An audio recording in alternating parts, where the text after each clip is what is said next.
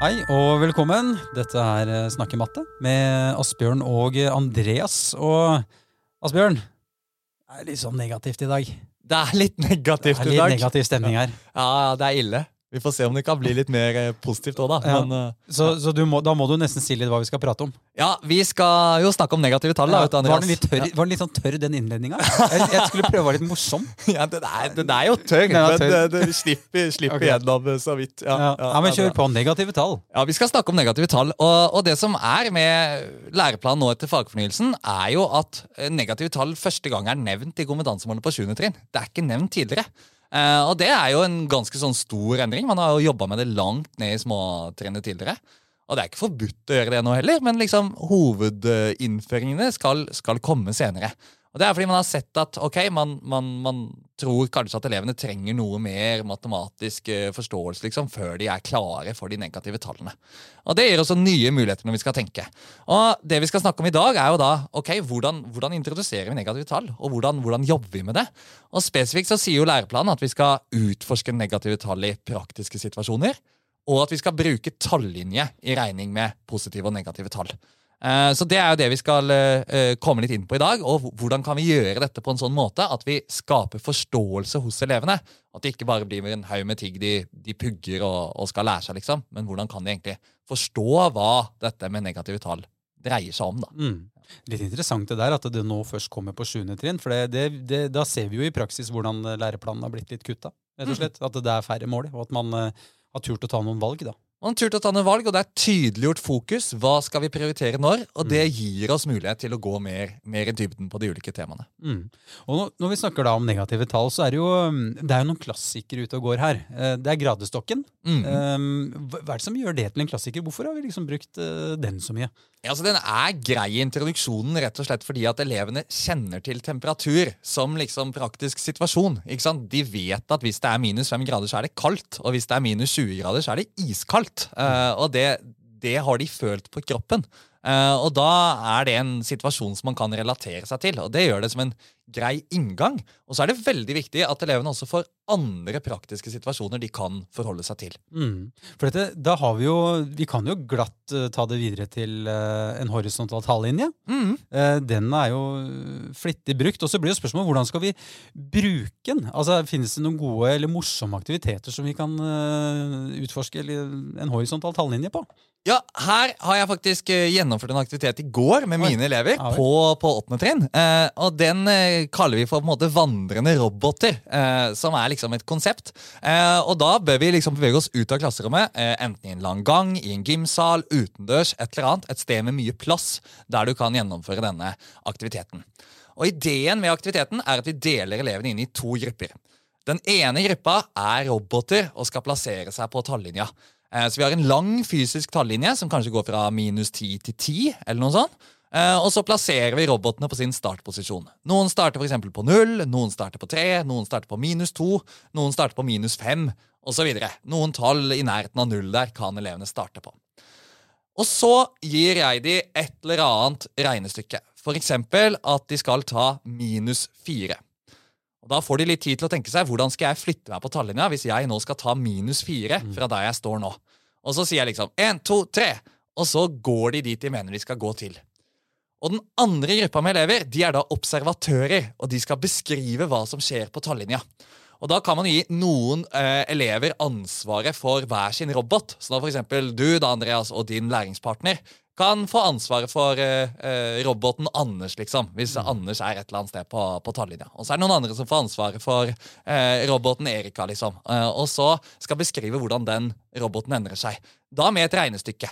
Så hvis du starta ved å stå på tallet si minus to, da, og så sier jeg minus fire, så kan disse elevene si at ok, Andreas viser meg regnestykket. Minus to minus fire blir minus seks. Så bevegde du deg til minus seks. Men hvordan responderte elevene på dette? Hva Syns de det var morsomt? de, altså, det er ganske sjelden at elevene på ungdomstrinnet, som er ofte litt sånn trøtt og oppgitt, sier at liksom Ok, i dag var kul mattetime, Asbjørn. Ja. Men her var det flere av de elevene som vanligvis syns matte er litt sånn kjipt, når de må jobbe i skriveboka og syns det er litt tungt, som bare sånn Asbjørn, dette må vi gjøre flere ganger. Mm. Dette var gøy. Jeg skjønte mye.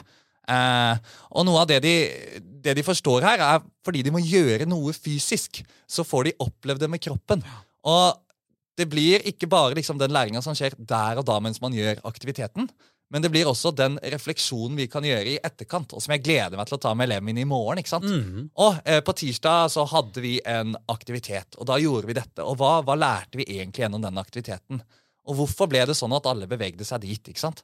Så kan vi snakke om den aktiviteten, og så har vi et felles språk som alle forstår. da. Mm. Det der er helt genialt. Hvorfor har ikke jeg tenkt på dette før, Asbjørn?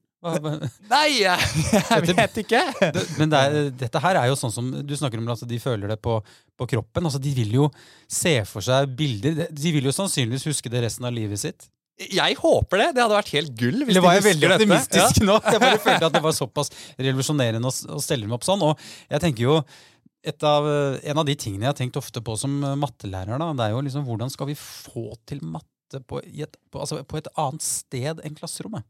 Mm. Og det er jo nettopp en sånn type aktivitet. Den, den, den er jo helt genial sånn sett. Jeg, jeg tenker jo f.eks. med en gang at du kan bruke kritt på Mm. asfalten, lage talllinjen sånn. Du kan, det er jo bare fantasien som setter grenser der. Ja, ikke sant? Og nå gjennomførte vi den hvor det var kaldt ute og regna, liksom. Da er ikke Mm. kritt på asfalt så kult. Nei, så da hadde jeg bare tatt uh, A4-ark, og så skrev jeg 10, 9, Ja. 8, og så bare la jeg de A4-arkene ut på bakken. Mm. Uh, en så enkel greie. Det, det fungerte Mm. greit. Ja.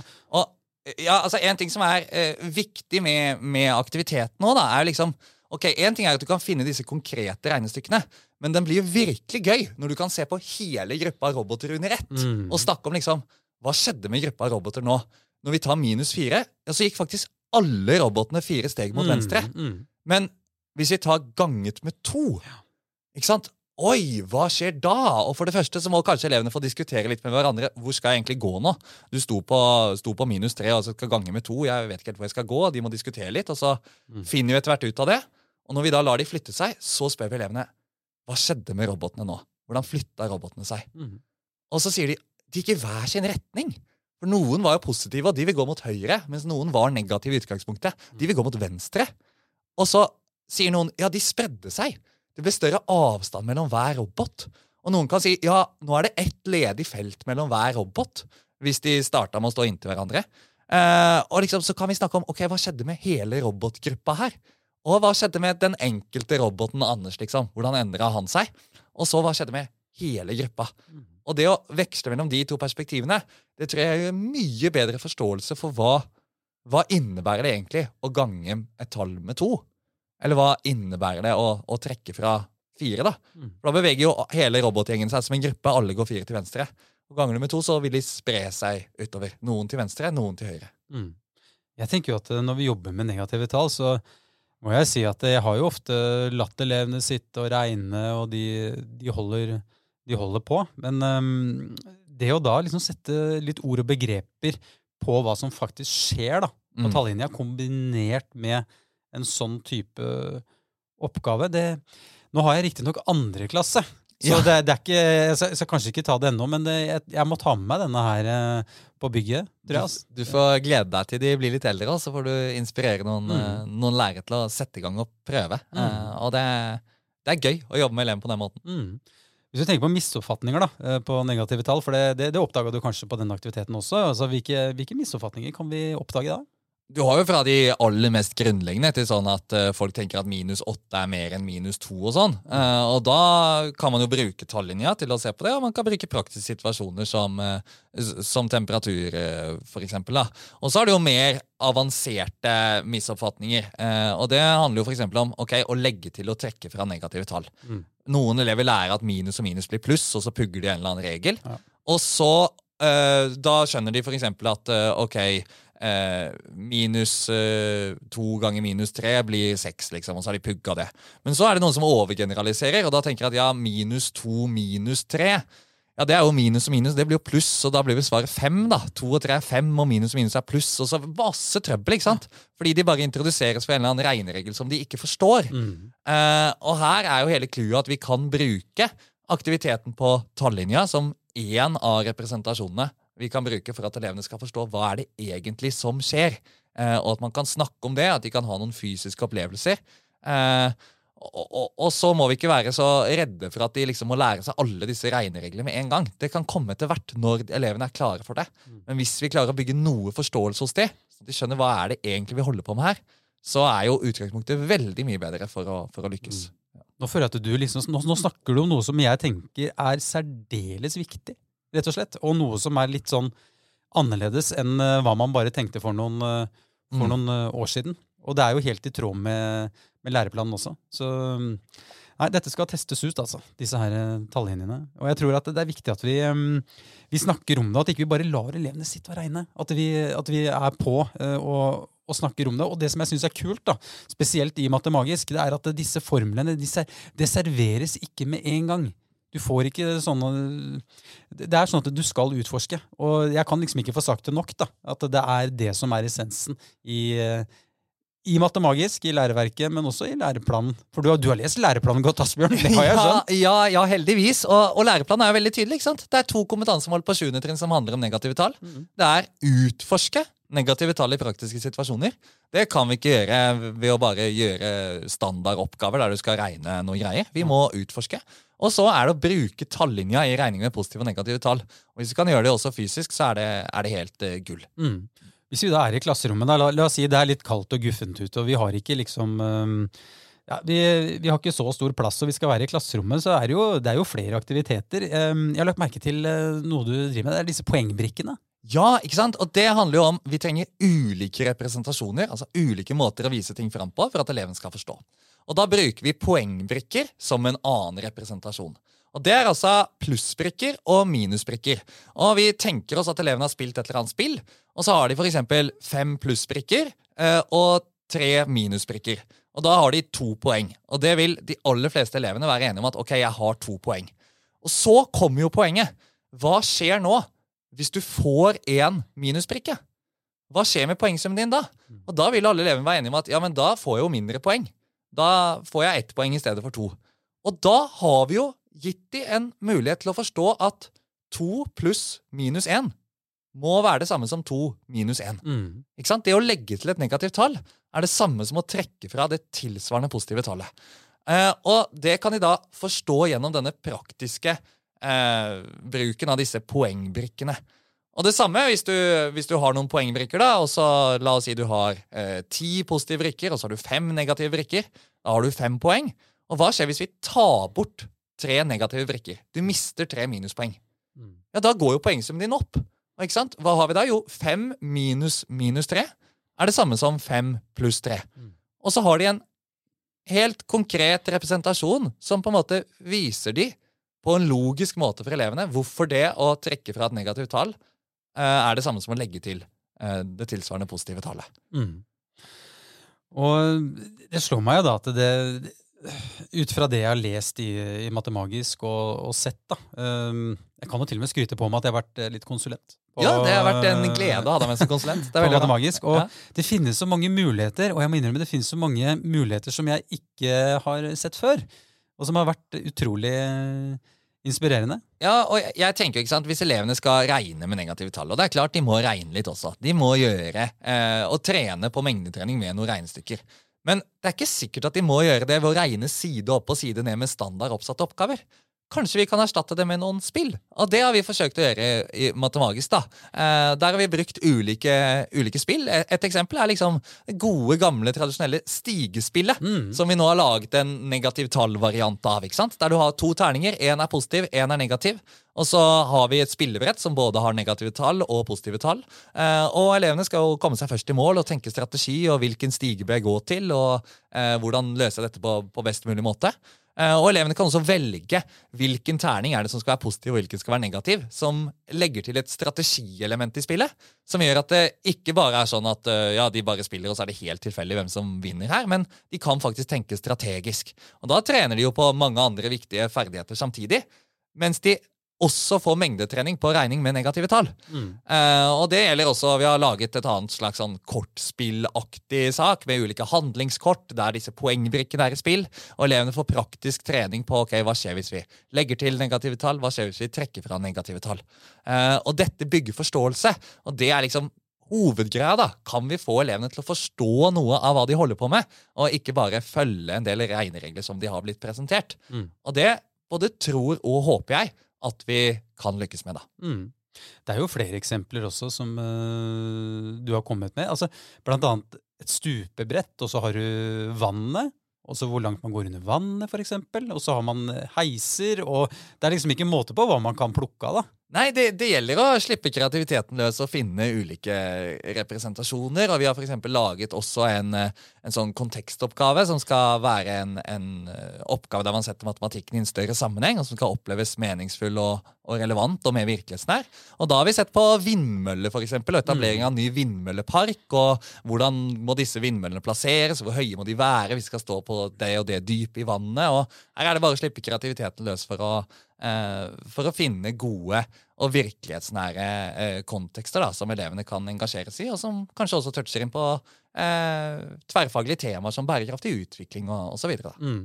Og så vil jo noen sikkert si at men her er det jo mye tekst, ikke sant? Og man er kanskje vant til mattebøker tidligere hvor det har vært veldig mye tall, mm. regning, mm. mens her er det jo eh, litt annerledes. Og det jeg tenker, da Beskjeden til enten læreren eller til elevene er jo at her må jo klasserommet få lov til å være levende. Mm. For det er jo ikke nødvendigvis sånn at de skal klare alle disse oppgavene helt alene. Hvis man skal utforske, så er det jo greit å prate litt. Og det er der vi har dette Altså, snakke matte, da. Det som vi driver med. Oh yes. Ja. Så jeg bare tenker at det, det, det, vi må berolige med folk med det, da. At de må få prate. De må få prate, og de må gjøre det mye, og de må få samarbeide. og Det skal ikke være en individuell øvelse eh, å liksom regne masse oppgaver alene. Det bygger ikke forståelse. De må diskutere seg fram til en felles forståelse, som det jo til og med står i læreplanen. Altså, mm. Elevene skal diskutere seg fram til en felles forståelse. Eh, det, det, må vi gi rom til. Da må de snakke matte.